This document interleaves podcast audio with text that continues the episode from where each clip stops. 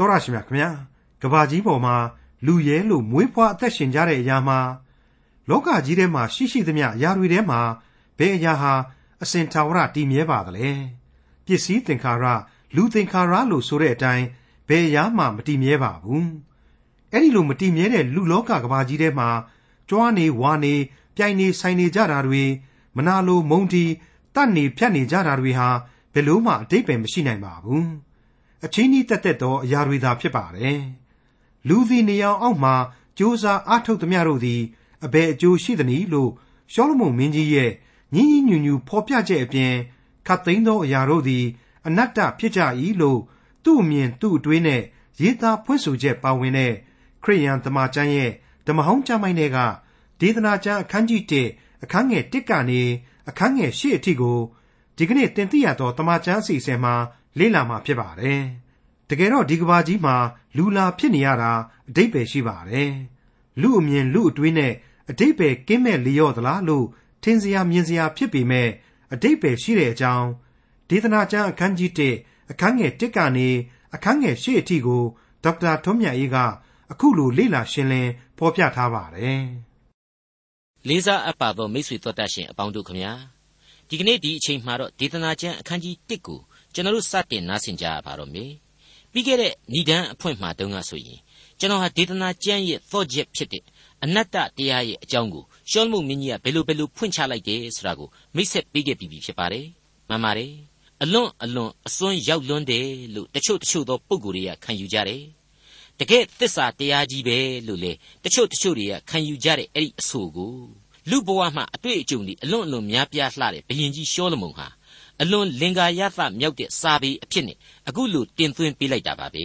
ဒေသနာကျမ်းအခန်းကြီး1အငယ်1နဲ့2ဒါဝိဒ်၏သားတော်ဓမ္မဒေသနာဆရာဖြစ်သောယေရုရှလင်မင်းကြီး၏စကားဟုမူကားအနတ္တသက်သက်အနတ္တသက်သက်ခသိန်းသောအရာတို့သည် အနတ္တဖြစ်ကြ၏မိတ်ဆွေအပေါင်းတို့ခမညာကျွန်တော်ဟာမြို့ငယ်လေးတစ်မြို့မှာတာဝန်ထမ်းဆောင်ခဲ့တုန်းက သုတ်တန်တစ်ခုရဲ့အဝမှာမြင်မြင်သမျှသင်္ခါရဆိုတဲ့ဆောင်းပုတ်ချိတ်ဆွဲတဲ့တာကိုငေးပြီးတော့ကြည့်မိခဲ့ဘူးပါတယ်နှစ်ပေါင်း25နှစ်လောက်ကအဲ့ဒီဆောင်းပုတ်ဟာဘလောက်မှန်တယ်လဲမမှန်တယ်လဲဆိုတာကိုကျွန်တော်မပြောပဲမပြောချင်တော့ပါဘူးနောက်ဆုံးတစ်ခေါက်အဲ့ဒီမြို့ကလေးကိုရောက်သွားတော့လေအဲ့ဒီဆိုင်းပုတ်နဘေးကတင်ကြိုင်ကုန်းကြီးတစ်ခုလုံးဟာတင်ကြိုင်ကုန်းဘဝကနေမျက်စိလေလမ်းမလောက်အောင်ရက်ွက်ကြီးတစ်ခုအဖြစ်ပြောင်းလဲသွားပြီဆိုတာကိုတွေ့ရပါတယ်အဲ့ဒီမျိုးကကျွန်တော်နဲ့အလွန်အလွန်ခင်မင်ခဲ့ဘူးသူ လူပုဂ္ဂိုလ်ပေါင်းမြောက်များစွာတို့ဟာလေသင်္ခါရတရားနဲ့မြေပေါ်မှာတင်ပျောက်ကွယ်သွားကြပြီဆိုတာကိုကျွန်တော်တွေ့ရပါတယ်အခုဖတ်ခဲ့တဲ့အပိုင်းကပထမအပိုင်းမှာဒါဝိဒ်သားတော်ဓမ္မဒေသနာဆရာဖြစ်သောယေရုရှလင်မင်းကြီးဆိုတာကိုတချို့ကရှောလမုန်မင်းကြီးမှဟုတ်ပါလေစားဆိုပြီးတော့တွေးကြခေါ်ကြပါတယ်ယေရုရှလင်မင်းကြီးဆိုတာဟာရှောလမုန်ကလွဲပြီးတော့ဘယ်သူမှမဖြစ်နိုင်ပါဘူးအကြောင်းဒီအမျိုးမျိုးအရာသူသာလျှင်ယေရုရှလင်မင်းကြီးဖြစ်ရပါလိမ့်မယ်။ကကြီး ဖျားသခင်ဟာသူ့ကိုဘယင်အဖြစ်ရွေးကောက်တင်မြှောက်နိုင်ဖို့ခခွေဒါဝိဒ်ရဲ့အတိတ်ကာလအပြစ်တွေကိုဆက်ပေးဖို့ဂငယ်မိမိတို့၏အပြစ်များအတိုင်းအပြစ်ဒဏ်များကိုခန်းစားရရှိစေဖို့ဆိုတဲ့အကြောင်းအမျိုးမျိုးနဲ့ရှောလမုန်တဲ့လက်ယုံကြီးအရာမှအားကောင်းတဲ့အထူးသာလွန်တဲ့ရဲရဲတောက်မင်းသားကြီး၃ပါးနဲ့ရှောလမုန်မမွေးခင်ကတည်းကမွေးခဲ့တဲ့ရှောလမုန်တဲ့အကြီးမင်းသားငယ်ကလေးတို့ရဲ့အသက်တွေးကိုရုပ်သိမ်းခဲ့ပြီးပြီဖြစ်ပါတယ်။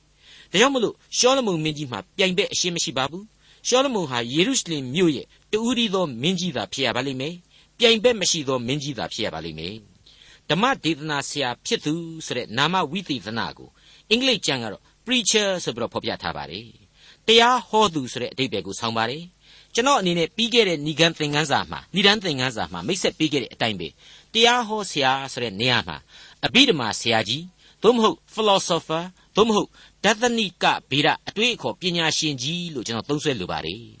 သူကနေပြီးတော့ဒေသနာကျမ်းရဲ့သော့ချက်စကားကိုမွက်ကြားလိုက်တာကတော့အနတ္တသက်သက်အနတ္တသက်သက်ခသိန်းသောအရာတို့သည်အနတ္တဖြစ်ကြ၏ဆိုတဲ့အလွန်အလွန်ရှည်မျိုးမျိုးနိုင်လှတဲ့အသံစိတ်ပြက်လက်ပြက်နဲ့ဆိုးဖွဲ့လိုက်တဲ့အသံပါပဲမိတ်ဆွေအပေါင်းတို့ခမညာရှောလမုန်မင်းကြီးဟာလူသမိုင်းရဲ့ပညာရှိကြီးဆိုပြီးတော့လူသားတွေဟာအဆက်ဆက်ခံယူလာကြပါတယ် သူ့ကိုဂုံတင်ထုံမွှန်းလာခဲ့ကြပါတယ်အဲ့ဒီရှောလမုန်မင်းကြီးဟာအကျွင်းမဲ့ပြည့်စုံတဲ့ပညာရှိကြီးထာဝရဘုရားသခင်ကိုကြောက်ရွံ့သောသဘောသည်ပညာ၏အချုပ်အခြာဖြစ်၏ဆိုတဲ့အဆိုကြီးတစ်ခုကိုအခိုင်အမာချထားပေးခဲ့တဲ့ပုဂ္ဂိုလ်ကြီးဖြစ်တဲ့အတွက်ကြောင့်သူကိုယ်တိုင်ကလည်းအကျွင့်မဲ့ဝိညာဉ်ရေးအမြင်မှာပါဆိုစရာမရှိနိုင်လောက်တဲ့ပုဂ္ဂိုလ်ကြီးတစ်ယောက်ပဲလို့ဆွဲလန်းမှတ်သားနေကြပါတယ်အမှန်တကယ်ကတော့ဘုရားသခင်အနာမှာရှိနေတဲ့အချိန်ကပညာရှိကြီးဟာ ဝိညာဉ်အားဖြင့်လေဝိညာဉ်တော်အားဖြင့်လေပညာစကားတွေကိုဆိုနိုင်ပြီးတော့ဝိညာဉ်တော်သွန်သင်တဲ့အတိုင်းသုတ်တန်ကြံတွေသုတ်တန်စကားတွေကိုလှိုင်းလှိုင်းဝေးအောင်အမှန်စီရင်နိုင်ခဲ့တာဖြစ်တယ်။ဒါပေမဲ့နှုတ်ကပတ်တော်တမန်ကျမ်းဟာသူ့ကိုအဲ့ဒီလိုဝိညာဉ်ရေးအရာပြည့်စုံသူကြီးအပြည့်အနာအစာမရှိသူကြီးထာဝရဘုရားရဲ့ဝိညာဏလူသားကြီးတမာတရားရှုထောင့်ကပညာရှိကြီးအဖြစ်ဓမ္မသမိုင်းရဲ့ဘယ်နေရာမှမဖော်ပြထားပါဘူးဘယ်အပိုင်းမှမှလည်းသူ့ကိုမထုံမှွန့်ထားပါဘူး အဲ့ဒီလိုကျွန်တော်ဖော်ပြခြင်းပါတယ်မှန်ပါတယ်ဒါဝိမင်းကြီးဟာဉာဏ်ပညာကိုတောင်းတဲ့အတွက်ကြောင့်ဘုရားသခင်ဟာဉာဏ်ပညာကိုနှစ်သက်သူအဖြစ်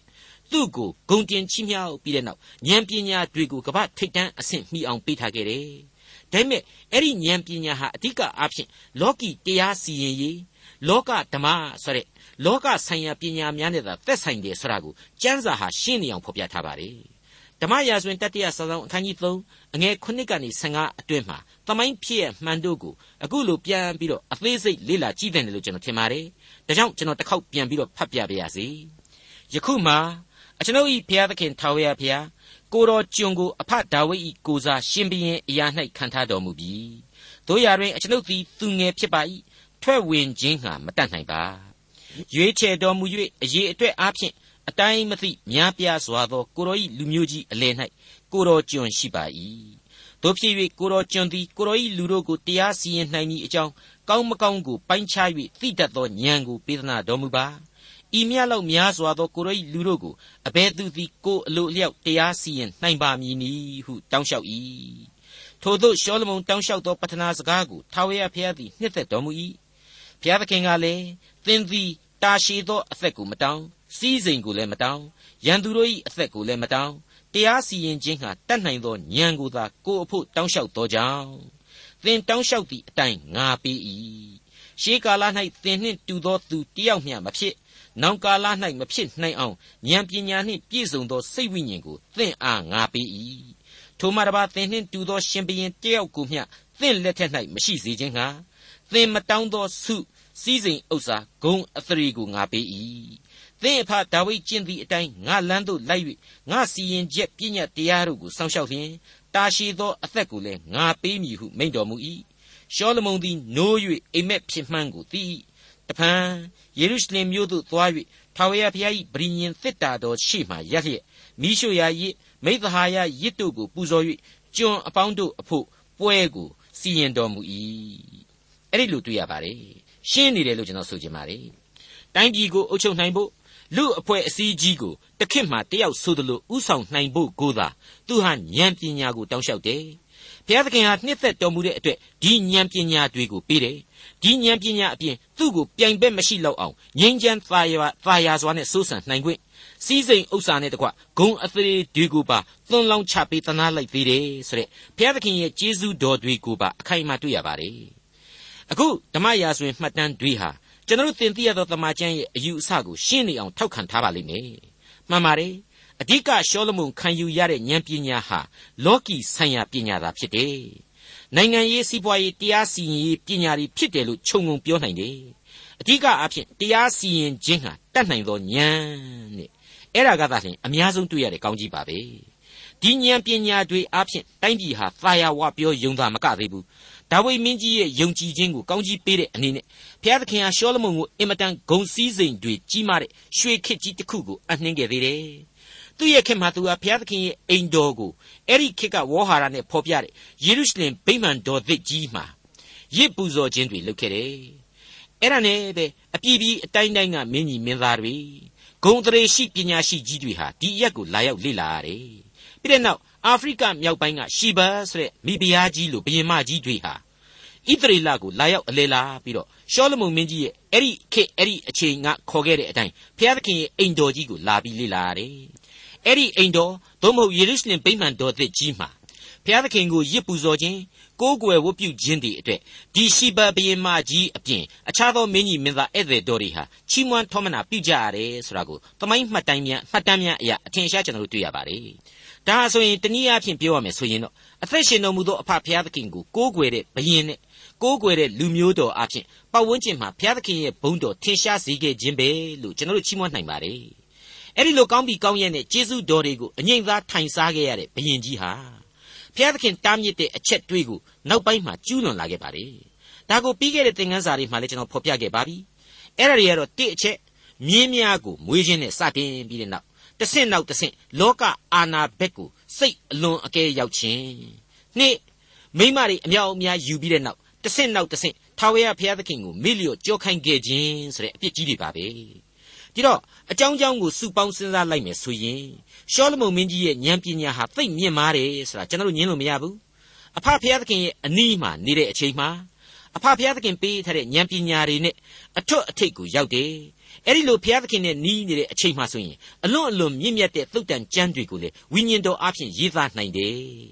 ဒါပေမဲ့ဘုရားသခင်နဲ့ဝေးကွာသွားပြီဆိုတာနဲ့သူ့ရဲ့ဖျားပေးပညာတို့ဟာလောကီရေးသက်သက်ဖြစ်တဲ့အဘိဓမ္မာတွေကိုသာဖြစ်ပွားလာစေတယ်အဲ့ဒီအဘိဓမ္မာတွေကိုဖော်ထုတ်နေသူဟာအဲ့ဒီအချိန်မှာလူမိုက်အဆင့်သာဖြစ်တယ်။ဘာဖြစ်လို့လဲဆိုတော့သူဟာအဲ့ဒီအချိန်ကာလမှာတော့ဘုရားသခင်နဲ့ဝေးနေလို့ပဲ။မိတ်ဆွေအပေါင်းတို့ခမညာသုတ်တန်ကျမ်းဟာဉာဏ်ပညာဆိုတဲ့ကျမ်းဖြစ်တယ်။ ဒေသနာကျမ်းဆိုတာကတော့မိုက်မဲခြင်းကိုကိုစားပြုတယ်။ရှောလမုန်တည်ခြင်းဆိုတာကတော့ချစ်ချင်းမေတ္တာဘွယ်။အဲ့ဒီလိုဉာဏ်ပညာမိုက်မဲခြင်းနဲ့အချစ်ဆိုတဲ့အရာသုံးခုစလုံးကိုရှောလမုန်ဟာအလွန်ကျွမ်းကျင်ပါတယ်။ပါရဂူမြောက်လောက်အောင်ဒီသုံးမျိုးစလုံးကိုပိုင်နိုင်ခဲ့တယ်ဆိုတာကိုနှုတ်ကပတ်တော်ဟာဖော်ပြလိုက်ပါတယ်အဲ့ဒီကျမ်းသုံးခုစလုံးဟာဝိညာဉ်တော်လမ်းပြခြင်းအားဖြင့်ကျွန်တော်တို့ကိုအေယာမသင်ခန်းစာကြီးတွေကိုဆက်ပြီးတော့ပေးနေခဲ့ပြီ ဝိညာဉ်တော်အားဖြင့်အသိတရားသစ်တို့ကိုဖြစ်စေပြီဆိုတာကတော့အမှန်ပါပဲဒေသနာကျမ်းအခန်းကြီး1အငယ်3ကိုဆက်ဖို့ရန်အတွက်အငယ်1မှစ၍ဖတ်ပြပါရစေဒါဝိဒ်သားတော်ဓမ္မဒေသနာဆရာဖြစ်သောယေရုရှလင်မင်းကြီး၏စကားဟူမူကားအနတ္တသက်သက်အနတ္တသက်သက်ခသိန်းသောအရာတို့သည်အနတ္တဖြစ်ကြ၏လူသည်နေအောက်မှကြိုးစားအားထုတ်သမျှတို့၌အဘယ်အကျိုးရှိသနည်းမိတ်ဆွေ ဖျားသခင်နဲ့ဝေမဝေစဉ်းစားလို့သာကြည်ကြပါတော့အမြင့်ဆုံးသောဖျားကြီးကွယ်ကာယာဌာနတော်ဆိုပြီးတော့သူမပြောသလိုငါ့ကိုမဆာခြင်းအကြောင်းတီပေါ်ထွက်ရသောတောင်ရိုးကိုလေသူမျှော်ပြီးတော့မကြည့်ပါဘူးကောင်းကင်ဘုံရဲ့အငွေ့အသက်ကလေးတွေချဲ့မှသူမဖော်ကျူးနိုင်ပါဘူးနေရောင်အောက်မှာတဲ့ဟုတ်တယ်မြေကြီးပေါ်မှာသာသူဟာကြီးကျန်းကိုအခြေချပါတယ်လူလောကကိုသာသူရုံးမဲ့ဖွဲ့ပါတယ်ဒါကြောင့်မလို့ နေအောက်မှာဖြစ်သောအနတ္တတရားကိုပဲသူရှုမှတ်ပါတယ်ဟုတ်ပါတယ်ဒါရီယာဘုရားသခင်ရဲ့ဝိညာဉ်ရေးအမြင်မဟုတ်ပါဘူးအပြစ်ရှိသောလူသားလူမိုက်တယောက်ရဲ့အမြင်သာဖြစ်တယ်လို့ကျွန်တော်ပြတ်သားစွာဆိုလိုက်ပါရစေမိတ်ဆွေအပေါင်းတို့ခမညာဒေသနာကျမ်းရဲ့အဓိကတော့ချက်အဖြစ်နေအောင်အောက်ကအနတ္တတရားဆိုတာကိုဧကရစ်ဘယင်လည်းဖြစ်လင်္ကာစာဆိုတော်ကြီးလည်းဖြစ်တဲ့ရှောလမုန်ကအဆိုတင်သွင်းပေးလိုက်ပါပြီ ဒါဝိဒ်သားတော်ဓမ္မဒေသနာဆရာဖြစ်သောယေရုရှလင်မင်းကြီး၏စကားဟူမူကားအနတ္တသက်သက်အနတ္တသက်သက်ခသိန်းသောအရာတို့သည်အနတ္တဖြစ်ကြ၏လူသည်နေအောက်မှကြိုးစားအားထုတ်သမျှတို့၌အဘယ်အကျိုးရှိသနည်းတဲ့မိษွေအပေါင်းတို့ခမညာသူဟာသူတင်သွင်းပေးလိုက်တဲ့အခုအဆိုကိုမခိုင်မာခိုင်မာအောင်လို့စူးစမ်းပြီးတော့အဖြေရှာပေးရတော့မှာဖြစ်ပါတယ်အဖြေမရှာခင်ကျွန်တော်ကဆက်ပြီးတော့ဖြည့်ဆွက်ချင်တာတွေရှိလာပါတယ်ဉာဏ်ပညာနဲ့ပြည့်စုံတယ် မိုက်မဲမှုနဲ့လည်းပြည့်စုံတယ်အချစ်ရေးကိုလည်းဝါသနာထုံတယ်ဆိုတဲ့ရှောလမုန်မင်းကြီးဟာအဲ့ဒီအမြင့်ဆုံးဉာဏ်ပညာတွေကိုသုံးပြီးတော့ကျင်ကျင်လဲလဲကြီးမိုက်ပြခဲ့တယ်လို့ကျွန်တော်ဆိုချင်ပါတယ်ဟုတ်ပါတယ်ပြီးခဲ့တဲ့အပိုင်းမှာကျွန်တော်ဏိဒန်းပြောခဲ့စဉ်ကတည်းကရှောလမုန်မင်းကြီးရဲ့ဒေသနာကျမ်းကြီးဟာနှုတ်ကပတ်တော်ကိုဆန့်ကျင်ခြင်းသူတွေခရစ်တော်ကိုဆန့်ကျင်လိုသူတွေရဲ့ခုတုံးလှုပ်လို့အင်မတန်ကောင်းတဲ့ကြမ်းကြီးအယူအသီးအဖွဲ့အစည်းကြီးပေါင်းမြောက်များစွာကိုထူထောင်ခြင်းတဲ့လူတွေအဖို့ဆွဲယူလို့ကိုးကားလို့ အလွန်ကောင်းတဲ့ကြမ်းကြီးဖြစ်တယ်ဆိုတာကိုကျွန်တော်ဖော်ပြပေးခဲ့ပြီးပါပြီဘုရားသခင်ရဲ့ဗျာဒိတ်တွေကိုလည်းဒီကျမ်းဟာကပောက်တိကပောက်ချမြင်နိုင်အောင်လို့လုပ်နိုင်ပြန်သေးတယ်ဆိုတာကိုကျွန်တော်တို့ဟာထင်ရှားစွာတွေ့လာရလိမ့်အောင်မယ်လို့ကျွန်တော်ဖြစ်ဆွဲချင်ပါတယ်မိတ်ဆွေအပေါင်းတို့ခမညာလောကကြီးမှာဉာဏ်ပညာမရှိတဲ့လူဆိုးလူမိုက်တဲ့ဉာဏ်ပညာရှိတဲ့လူဆိုးလူမိုက်ဟာပို့ပြီးတော့ကြောက်ရတယ်အန်ဒီရဲ့ကြီးတယ်ဆိုတဲ့အချက်ကိုကျွန်တော်မေ့ထားလို့မရနိုင်ပါဘူးအခုဒေသနာကျမ်းကိုလေ့လာရမှာ ဒီသစ္စာတရားကိုရေးသားတဲ့သူရှောလမုန်မင်းကြီးအားဖြင့်ပုံမိုပြီးတော့ထင်ရှားစွာမြင်ရလိမ့်မယ်လို့ကျွန်တော်ဆိုချင်ပါတယ်အခုဆိုရင်ပညာရှိကြီးရှောလမုန်ရဲ့အဆင့်အတန်းမြင့်သလောက်ကြောက်စရာကောင်းတဲ့သင်ခန်းစာတွေဟာတန်းစီပြီးတက်လာရတော့မှာမို့အငယ်လေးကိုစတင်နှားဆင်ကြည့်ကြပါစို့လူတစ်ဆက်လွန်သွား၏တစ်ဆက်ပေါ်လာ၏မြေကြီးမူကားအစဉ်အမြဲတည်၏ဖြစ်မြဲအစဉ်တသဘာဝတရားဆိုတာကိုလှလှပပကလေးဖော်ပြပေးလိုက်တာပါပဲ ဘယ်သမိုင်းဆရာနဲ့ဘယ်သမိုင်းမှတ်တမ်းကမှညင်းနိုင်မှာမဟုတ်တဲ့တရားပါအတိတ်ကာလကလူသားတွေဟာသူတို့ရဲ့သမိုင်းဟောင်းနဲ့သူတို့အစဉ်ပြေကြပါလိမ့်မယ်အခုကျွန်တော်တို့ကနောက်ပြန်လျှောက်သွားလို့တော့အဲ့ဒီသမိုင်းဟောင်းဟာကျွန်တော်တို့အတွက်အစဉ်ပြေမယ်မထင်ပါဘူးအနာဂတ်လူသားတွေကြပြန်တော့လေကျွန်တော်တို့လောက်တောင်မှအတိတ်တန်ရောစဉ်ဆိုတာရှိကြပါတော့မလားသူတို့ရဲ့အတိတ်ကိုပြန်ပြီးတွေးကြပါတော့မလားဆိုတာကိုကျွန်တော်တို့တစ်ချက်ကလေးမှအတိအကျအဖြစ်ပေးနိုင်ပါဘူးလူတစ်ဆက်လွန်သွား၏တစ်ဆက်ပေါ်လာ၏ မြေကြီးမူကားအစဉ်အမြဲတည်၏တဲ့မိတ်ဆွေအပေါင်းတို့အမှုတရားကိုသာတွေ့ရတယ်အသက်ကတော့တရားကျော်တဲ့လူဆိုတာဟာအတော်ကြီးကိုရှားပါတယ်ကျွန်တော်တို့ပတ်ဝန်းကျင်မှာယာကျော်ပုဂ္ဂိုလ်ဆိုတာမနှဲရှာယူရပါတယ်အဲ့ဒီလိုတရားကျော်တဲ့လူတွေကိုလည်းသိပြီးတော့ကျွန်တော်တို့ကသာဖူးဖူးမှုန်နေကြရတာသူတို့ကတော့အဲ့ဒီလိုယာကျော်တိုင်းပျော်နေကြတယ်လို့ကျွန်တော်တို့မဆိုနိုင်ပါဘူးမသေးလို့သာနေနေကြရတယ်ရွယ်သူတန်းသူတွေဘယ်သူမှမရှိတော့ဥကြောင်ကြောင်တွေများဖြစ်နေကြလိမ့်မလား ခေတ်သစ်လူငယ်တွေနဲ့လည်းမဝင်စားနိုင်ပဲနဲ့ရောင်ပေရောင်ပေများဖြစ်နေကြလိမ့်မလားလို့ကျွန်တော်တွေးမိပါတယ်စိတ်စိတ်စဉ်းစားလိုက်တိုင်းလေရင်ထုမနာစရာပဲလို့ကျွန်တော်တွေးပါတယ်ကျွန်တော်ရဲ့လူဘဝဟာဘုရားသခင်ရှေ့တော်မှာတော့တခဏတဘဝမျှတာဖြစ်တယ်ပျက်စီးယိုယွင်းရစမြဲတာဖြစ်တယ်ဆိုတာဟာအမှန်ပါမိတ်ဆွေ ကျွန်တော်နိုင်ငံမှာရှိတဲ့တချို့သောကျွန်းပင်ကြီးတွေပြင်းကလေးပင်ကြီးတွေဟာကျွန်တော်ဘိုးဘေးပြီးပင်မျိုးဆက်ပေါင်းများစွာရဲ့မွေးဖွားခြင်းတွေရှင်သန်ခြင်းတွေပျက်စီးခြင်းအကြောင်းတွေကိုအထက်စီးကနေပြီးတော့နှစ်ပေါင်း200 300ကျော်မကကာလကြာရှည်စွာမြင်တွေ့ကြရတယ်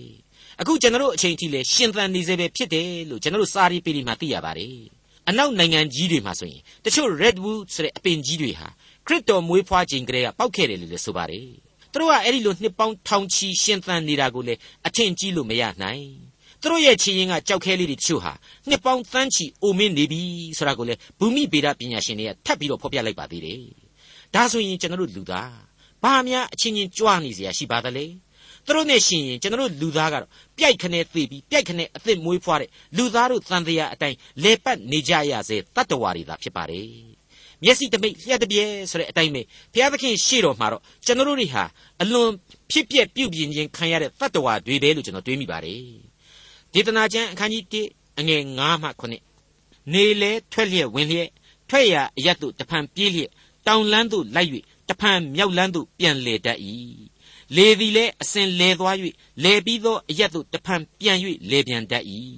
ခသိန်းသောမြစ်တို့သည်ပင်လေတဲသို့ရောက်ကြ၏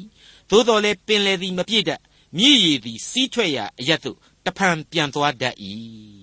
အဲ့ဒီလောက်ထိရှေးကြတဲ့စာပေကသိပ္ပံသဘောတရားတွေဟာကြောက်စရာလန့်စရာကောင်းလောက်အောင်သိပ္ပံကြီးကြနေတာကိုတွေ့ရပါတယ်ရှောလမုန်မြင့်ကြီးဟာခရစ်တော်မပေါ်ခင်နှစ်ပေါင်း1000လောက်ကဘုရင်ဖြစ်ပါတယ်ဒီဒေသနာကျမ်းဟာနှစ်ပေါင်းအနည်းဆုံး3000ခန်းကကျမ်းဖြစ်ပါတယ်သူဟာသိပ္ပံအတတ်ပညာကိုဘလောက်ထိကျွန့်ကျင်ကြောင်းကိုဒီအဆိုအဖွဲ့အားဖြင့်ထင်ရှားစွာသက်သေထူနေပါပြီ အမှန်တော့သမာကျမ်းစာကိုကျွန်တော်ကသိပ္ပံနဲ့တွားသွားပြီးနှိုင်းတာမျိုးအရှင်းမလုပ်ချင်ပါဘူးလူရဲ့လောကရကသိပ္ပံပညာတဲ့နှုတ်ကပတ်တော်ဟာအဆင့်အင်မတန်မြင့်နေမတိုင်းတာအပ်ဘူးလို့ကျွန်တော်အပြည့်အဝခံယူထားပါတယ်ဒါပေမဲ့အဲ့ဒီလိုတချို့အပိုင်းတွေဟာလမ်းကြုံလာတော့လေမလွှဲတာမရှောင်တာပဲမပြော့မပြီးမတိမမီဆိုသလိုအများနားလေလွယ်အောင်ခံယူနိုင်အောင်လို့ဒီသိပ္ပံသဘောတရားတွေနဲ့တွားတွားပြီးတော့နှိုင်းနေရတာပဲဖြစ်ပါလေ ဒေါက်တာအာသာပိုင်ယာဆန်ဆိုတဲ့ပုဂ္ဂိုလ်ကြီးကနေပြီးတော့ရှောလမုန်ရဲ့ဒေသနာစာပေဟာလွန်ခဲ့တဲ့နှစ်ပေါင်း3000လောက်ကဘယင်တပားကိုဘုရားသခင်ဘလောက်ကြည့်အံ့ဩပွေကောင်းလောက်အောင်ပညာအတတ်များချီးမြှင့်ပေးထားသလဲဆိုပြီးတော့သူ့ရဲ့လောကဆိုင်ရာစာပေအမြင်တွေကိုဖော်ပြထားတာရှိပါတယ်သူ့ရဲ့အမြင်တွေကိုကျွန်တော်ဖတ်ပြပါရစေကျွန်ုပ်တို့မျက်မှောက်ခေမိုးလေဝသနှင့်ဇလဗေဒကိုရှောလမုန်သိနှင့်နေလေပြီဘသူသင်ကြားပေသနည်းရှင်းနေ၏ဘုရားသခင်သွန်သင်ခြင်းပေသည် မိုးနှင့်လေဤသဘောကိုသုတ်တန်နှင့်ဒေသနာကျမ်းများမှာဘယ်မျှအထိရှောလမုန်တယောက်နောကြည်အောင်နားလေသည်ကိုတွေ့နိုင်သလိုခန္ဓာပေဒသဘောတရားများကိုလေသူကျွန့်ကျင်သည်မှာအမခန့်ပင်ဖြစ်တော်၏အဲ့ဒီလိုဒေါက်တာအာသာပိုင်ယာဆန်ဆိုတဲ့ပုဂ္ဂိုလ်ကြီးကသူ့အမြင်ကိုဖော်ပြထားခဲ့ပါတယ်မိတ်ဆွေအပေါင်းတို့ဘယ်နည်းနဲ့မှမငြင်းနိုင်ပါဘူးနှလုံးဟာအသက်အအခြေအမြစ်ဖြစ်တယ်ဆိုပြီးတော့သူဟာခိဖစ်ဆေးပညာရှင်တို့အိမ်မက်မမက်ခင် ခန္ဓာဗေဒပညာမပေါ်ခင်ကတည်းကအခိုင်အမာဆိုခဲ့ပါတယ်အဲ့ဒီအတိုင်းပါပဲစိတ်တဗေဒပညာတွေအယိုးရဲ့ခိုင်မာမှုဟာချင်းစီပေါ်မှာမူတည်တယ်ဆိုတာတွေကိုလေသုတ်တန်စကားတွေမှာရှင်းရှင်းလင်းလင်းသူဟာပြောခဲ့ပါတယ်အဲ့ဒီလိုပါပဲဒီဒေသနာကျမ်းရဲ့ဏိဂုံးပိုင်းအခန်းကြီး7ကိုရောက်လာလို့ရှိရင်အလွန်အလွန်အံ့ဩဖို့ကောင်းလှတဲ့အချက်တွေကိုဆက်ပြီးတော့တွေ့ရအောင်မှာပါအဲ့ဒီဒေသနာကျမ်းအခန်းကြီး7မှာကြည်ပါ အငယ်9ရဲ့အဆုံးနာကစပြီးတော့အငယ်9အတွင်းမှာလူရဲ့သေခြင်းအကြောင်းကိုအခုလိုဖွဲ့ဆိုဖော်ပြထားပါတယ်အကြောင်းမူကားလူသည်ထာဝရနေရာသို့သွားစေရှိ၍ငိုခြင်းတွေတို့သည်လမ်းတို့၌လှည့်လေကြ၏ငွေကြိုးပြုတ်ခြင်းရွှေဖလားကွဲခြင်းစမ်းရည်တွင်း၌ရေပုံးပေါက်ခြင်းရေကျင်းနာမှဆက်ကြိုးခြင်းအချင်းအရာတို့သည်ဖြစ်ကြလိမ့်မည်ထိုကာလ၌မြေမှုန့်သည်နေရင်းမြေသို့၎င်းဝိညာဉ်သည်အရင်ပေးတော်မူသောဘုရားသခင်ထံသို့၎င်း ပြန်သွားရလိမ့်မည်တဲ့မိษွေတို့ရေသေသေးချာစဉ်းစားလိုက်မယ်ဆိုရင်အတိတ်ပဲဟာယုံတောင်ယုံနိုင်စရာမရှိတော့အောင်ပြည့်စုံနေတယ်ငွေကြိုးပြတ်တယ်ရွှေဖလားကွဲတယ်စမ်းရည်တွင်းကရေတွင်းဘုံပေါက်တယ်ရေဘုံပေါက်တယ်ရေကျင်းနားမှာစက်ကြိုးလိုက်မယ်ဆိုတာတွေဟာတခြားအရာတွေကိုဖော်ပြတာမဟုတ်ဘူးလူရဲ့သေခြင်းကိုတခမ်းတနာဆိုပြောလိုက်တာပဲဖွဲ့ဆိုလိုက်တာပဲအာယုံကျော်တို့တာဝန်ရပ်ဆိုင်ခြင်းအုံနောက်အလုတ်တို့ရပ်ဆိုင်ခြင်း အဆုတ်နှင့်နှလုံးသွေးကြောတို့အဆက်အသွယ်ပြတ်တောက်၍ဘဝဏီကုန်းချုပ်ခြင်းတွေကိုဖော်ပြတာပဲဆိုတာဟာရှင်းနေပါလေရှင်းရှင်းပြောရင်တော့သေဆုံးခြင်းပေါ့ဒါကြောင့်မလို့ထိုကာလ၌မြေမှုန့်သည်နေရင်းမြေသို့ပြန်ရမည်ဝိညာဉ်သည်အရင်ပေးတော်မူသောဘုရားသခင်စီပြန်ရမည်တဲ့အဲ့ဒီလိုဆက်ပြီးဖော်ပြလိုက်တာပါဒီရက်တော့ဘယ်လို့မှပြည်ပြင်းအောင်နောက်ထပ်ဆောင်းเสียလို့တော့မထင်ပါဘူးအခုဒေသနာကျမ်းအခန်းကြီး1ကျွန်တော်လေ့လာနေတဲ့အပိုင်းမှာပြန်ကြည့်ပါနေလဲထွက်လျက်ဝင်လျက် ထွက်ရအရက်တို့တဖန်ပြေးလျက်တောင်လန်းတို့လိုက်၍တဖန်မြောက်လန်းတို့ပြန်လေတတ်၏တဲ့ကဘာကြီးကအိုးရင်းဆက်လို့သူ့ဝင်ရိုးပေါ်မှာသူ့ဟာသူလဲနေတယ်နေကိုတစ်နှစ်လျင်တပတ်လှည့်ပြီးတော့ຫນွေမိုးဆောင်ဥရုတွေဖြစ်စေတယ်ဆိုတာလူတိုင်းနီးပါးဒီအချိန်မှာသိနေပါပြီဒါပေမဲ့အဲ့ဒီဖြစ်စဉ်ကိုဘသူကမှစိုးဖွဲ့မနေကြပါဘူးနေသည်သူခရီးကိုသူသွားနေတယ်လို့ပဲခန်းစားကြတယ်တင်စားစိုးဖွဲ့လိရှိကြပါတယ်အဲ့ဒီအတိုင်းပဲလွန်ခဲ့တဲ့နှစ်ပေါင်း3000ကရှောလမုန်စိုးဖွဲ့လိုက်တာပဲ ဒါပေမဲ့ပို့ပြီးတော့ပြည့်စုံမနေပြီဘူးလားနေဟာမြေပြင်ကနေကြည့်ရင်ပထဝီရဲ့ရွေလျားခြင်းပေါ်မှာမူတည်ပြီးတော့စောင်းရွေတတ်တယ်ဆိုတာကိုသူဖော်ပြလိုက်ပါတယ်ဟုတ်ပါတယ်တောင်လန်းသို့လိုက်၍တဖန်မြောက်လန်းသို့ပြန်လေတတ်၏တဲ့ပြီးတဲ့နောက်မှာတော့လေသည်လည်းအစဉ်လဲသွား၍လဲပြီးသောအရက်သို့တဖန်ပြန်၍လဲရပြန်၏တဲ့အင်္ဂလိပ်ကျမ်းမှာကျတော့စောစောကနေအတိုင်းပဲလေဟာမြောက်ဖက်တောင်ဘက်အမြဲရိမ့်ွေနေတယ်ပြောင်းလဲခြင်းရှိနေတယ်ဆိုတာကိုဖော်ပြပါတယ် ဘသူညင်းနိုင်ပါသလဲဒီကနေ့ရက်ထိလေရဲ့ဥတီယအရက်ကိုမှန်းလို့သာရတယ်အတိအကျဘသူကမှဘယ်ကိုရောက်မယ်ဘယ်နေရာမှာတပတ်ပြန်လဲပြီးတော့နောက်ကိုဆုတ်မယ်ဘယ်ဘက်ကိုရွေ့သွားမယ်ဆိုတာမျိုးအတိအကျပြောလို့မရပါဘူးအဲ့ဒါကြောင့်မို့လို့ဝတ္ထုတပုတ်ရဲ့အလွန်လှပတဲ့ခေါင်းစဉ်လေးတစ်ခုကိုကျွန်တော်သွားပြီးသတိရမိပါတယ်ဘဝပြဲနေတဲ့လူတစ်ယောက်အကြောင်းကိုဖွဲ့ဆိုရမှာစာရေးဆရာခေါင်းစဉ်ပေးလိုက်တယ်လေနှင့်အတူတဲ့မှန်ပါတယ် ဆောင်းကာလဟာမြမပြည်အဖို့ဆိုရင်မြောက်လေပြန်လောင်းတဲ့အချိန်လို့ကျွန်တော်ရေပုံရအဖြစ်သတ်မှတ်ပါတယ်ဒါပေမဲ့လွန်ခဲ့တဲ့10နှစ်လောက်ကတောင်လေပြင်းကြီးတွေနဲ့မိုးတွေရွာလို့လူတွေအကြီးအကျယ်ဒုက္ခရောက်ခဲ့ဘူးတယ်ဆိုတာကိုမေ့မထားဖို့လိုပါတယ်မိတ်ဆွေအပေါင်းတို့အဲ့ဒီလိုမရေရာတဲ့လေနဲ့နေတို့ရဲ့အကြောင်းကိုမရေရာရင်မရေရာသလိုသူ့အတွေးအခေါ်ဟာမှီနေတယ်ဆိုတာကိုမြင်နိုင်ပါတယ်တခါအလွန်အလွန်ရေရာတဲ့သိပ္ပံအတတ်ပညာနဲ့ဆက်ပြီးတော့ရှောလမုန်မင်းကြီးဆိုဖွဲ့လိုက်တာကတော့ ခသိန်းသောမြစ်တို့သည်ပင်လယ်ထဲသို့ရောက်ကြ၏သို့တော်လည်းပင်လယ်သည်မပြည့်တတ်မြည်ရည်သည်စီးထွက်ရာအရက်သို့တဖန်ပြန်သွားတတ်၏ဆိုတဲ့မိုးရသည်ဤဖြစ်တည်ခြင်းသဘောပါပဲပင်လေအခိုးအငွေတွေဟာကောင်းကင်ဘုံကိုပြန်တက်ကြတယ်အေးဓာတ်နဲ့ထိပြီးတော့မိုးရေများအဖြစ်ရွာချတယ်ချောင်းတွေပြည့်ရှမ်းလာတယ်မြစ်တွေဖြစ်တယ်ပင်လေတွေကိုစီးဆင်းတယ်ဒါတွေကိုဖော်ပြလိုက်တာ ਨੇ အတူတူပါပဲဒီအချက်တွေအကုန်လုံးဟာလောကရတရားရဲ့အံ့ဩဖွယ်သစ္စာတရားတွေကိုဖော်ပြနေပါတယ် ရှောလမုန်မင်းကြီးဟာအဲ့ဒီလောက်အထိသူ့ခေတ်အဖို့တော့ခေတ်လွန်အတတ်ပညာရှင်ကြီးတယောက်ဖြစ်ခဲ့တယ်ဆိုတာကိုဘယ်သူမှမငြင်းနိုင်တော့ပါဘူးအခုချိန်မှာတော့ဒေသနာကျမ်းအခန်းကြီး1အငယ်8ကိုဆက်ပြရစီခသိန်းသောအရာတို့သည်လူမပြောနိုင်အောင်ပင်ပန်းခြင်းနှင့်ရှင်ကြ၏မျက်စိသည်မြင်၍မကုန်တတ်နားသည်လည်းကြား၍မကုန်တတ်အထက်ကလောကရသိပ္ပံနဲ့အမြင်တွေဟာသိတ်ကိုကောင်းပါတယ် ကောင်းပါတယ်ဆိုတဲ့ကြားတွေကပဲဒီအသက်ပညာနဲ့ရှာဖွေရခြင်းတွေဟာလေမကုံနိုင်အောင်မခန့်နိုင်အောင်ပဲရှိနေတဲ့အတွက်ကြောင့်မောပန်းเสียရပဲတဲ့အတော်ကြီးကိုပြည်ပြင်းပြောင်ပြောင်လွန်းတယ်လို့ကျွန်တော်ဆိုချင်ပါတယ်မိတ်ဆွေကျွန်တော်အခုလူဖြစ်နေရတဲ့ခေတ်အတွက်နှစ်ပေါင်း3000ကြိုပြီးတော့သတိပေးနေတယ်အလွယ်တကူမင်းတို့ခေတ်မှာဟုတ်မဟုတ်မင်းတို့ပို့ပြီးတော့တောင်မှသိမှာပေါ့ကွာဆိုပြီးတော့ရှောလမုန်ဟာစောင်းမြောင်ဆက်ဆူလိုက်လေသလားလို့တောင်မှထင်စရာပါပဲအရန်တိုးတက်ပါတယ် ထွန်းကားပါတယ်ဆိုတဲ့အရာတွေးဟာထွန်းကားတိုးတက်လို့ဆိုပြီးတော့အကျွင်းမဲ့ပြည့်စုံတယ်ဆိုတာကိုတော့ဘယ်သိပ္ပံပညာရှင်ကြီးတွေကမှအာမမခံနိုင်ပါဘူးအကျွင်းမဲ့ပြည့်စုံခြင်းဆိုတာဟာရှိကိုမရှိနိုင်ပဲဖြစ်နေစမြဲပါပဲရင်မောစရာတွေစိတ်ပင်ပန်းစရာတွေဟာရှိမြဲရှိနေပါတယ်ရှေးခေတ်ရှေးခေတ်ပုံစံသိပ်ပံခေတ်သိပ်ပံခေတ်ပုံစံဆိုသလိုပုံစံမတူတာသာလျှင်ရှိမယ်ပင်ပန်းစရာတွေကတော့အမှန်တောကရောက်စရာတွေကတော့အမှန်ပါပဲမိတ်ဆွေအပေါင်းတို့ခင်ဗျာ မနေ့တနေ့ကတယ်လီဗေးရှင်းသတင်းတွေထဲမှာကျွန်တော်တို့တွေ့ရပါတယ်အာကာသကောင်းကင်ကကြဲတရာနက်ခတ်တွေ့ကိုကဘာကနေပြီးတော့မှန်ပြောင်းကြီးတွေနဲ့လေ့လာနေကြတယ်တဲ့လေ့လာရတာလည်းမဝသလိုပဲဆိုပါလားအဲ့ဒါဟာပင်ပန်းချင်းဆိုရင်ညင်မလားတခုအသစ်တွေ့ပြီးရင်နောက်ထပ်အသစ်တို့ကိုဆက်လက်ရှာဖွေတယ်ရှာတိုင်းလဲတွေ့ပြီးတော့တွေ့တိုင်းလဲရန်နာရတယ်မရှိဘဲနဲ့ခရီးပြင်းကြီးဆက်နေကြရတာ ਨੇ အတူတူပါပဲအခုချိန်မှာဆိုရင်ကျွန်တော်တို့အိမ်တိုင်းလူလူမှာတယ်လီဗေးရှင်းရှိပါတယ် ပိုက်ဆံရှိရင်ရှိသလောက်ဗီဒီယိုဝယ်နိုင်ပါတယ်အခွေတွေငှားပြီးကြည့်နိုင်ပါတယ်မျက်စိအညောင်းမခံနိုင်လို့ရေဝါသနာမပါလို့ရဲသားချင်းမကြည့်ပဲနေခြင်းရင်နေမယ်ကြည့်မိသူအဖို့ကတော့ကြည့်လို့ကိုကိုဝနိုင်တယ်မရှိပါဘူးကျွန်တော်အချိန်ချင်းသုံးဆွဲခဲ့တဲ့အတိုင်းပဲ fallen nature လို့ခေါ်တဲ့ကြာဆုံးတတ်သောလူရဲ့ဘဝတရုပ်ဟာယဉ်နှင်းပွဲကြီးဖြစ်နေပြီပေါ့အဲ့ဒီလိုနေအောင်အောက်ကလူဘဝရဲ့ယဉ်နှင်းပွဲသောအဖြစ်မပြည့်အိုးများပမာအငမ်းမရတသသဖြစ်ရသောအဖြစ်ဆရာဟာလေဘာကြောင့်ခံစားရသလဲ လူတ attva မှုလို့ခံစားရခြင်းပါပဲရှင်းပါတယ်နော်ခွေးများဟာအခုလိုမခံစားရပါဘူးကြောင်များဟာလည်းအခုလိုမခံစားရပါဘူးလူဝန်တို့မြောက်တို့ဟာလည်းဘယ်နည်းမှမခံစားရပါဘူးသူတို့အဖို့ဒီစက်ကြဝဠာကြီးဟာဘာမှအတိတ်ပဲမရှိပါဘူးသူတို့ဟာအမဲရိုးနဲ့ကျင်တ်တယ်ကြွက်ခုတ်ပြီးတော့ကျင်တ်တယ်ငပြောသီးစားပြီးတော့ကျင်တ်တယ်မိတ်လိုက်ယုံနဲ့ကျင်တ်တယ်သခင်အလိုလိုက်မှုကလေးတွေကိုခံယူနေကျင်တ်တယ်ဆိုတဲ့ကျင်တ်ခြင်းအဆင့်မှာပဲရှိကြပါတယ်လူဟာသူတို့လိုမကျင်တ်ပါဘူးအစဉ်တစိုက်ယုံကန်ကြပါတယ် အားထုတ်ကြပါတယ်ရှေ့သို့ခြီးပြီးတော့ဘဝကိုဖြည့်ဆည်းသွားကြပါတယ်ပင်ပန်းခြင်းရှိတဲ့ဘဝပင်ပန်းခြင်းနဲ့ရှင်ပြီးတော့ရှင်သန်ရတဲ့ဘဝမျက်စိသည်မြင်၍မဝသလိုနားသည်ကြား၍မဝဆိုတဲ့ဘဝများအသီးသီးမှယက်တည်နေရကြောင်းပါဘာဖြစ်လို့လဲဆိုတော့ဖျားသခင်မပါဝင်ဘဲနဲ့မပြေအိုးနှလုံးသားကိုဖြည့်နေပါတယ်သစ္စာတရားကိုဘုရားသခင်မပါဝင်ဘဲနဲ့ရှာဖွေနေပါတယ်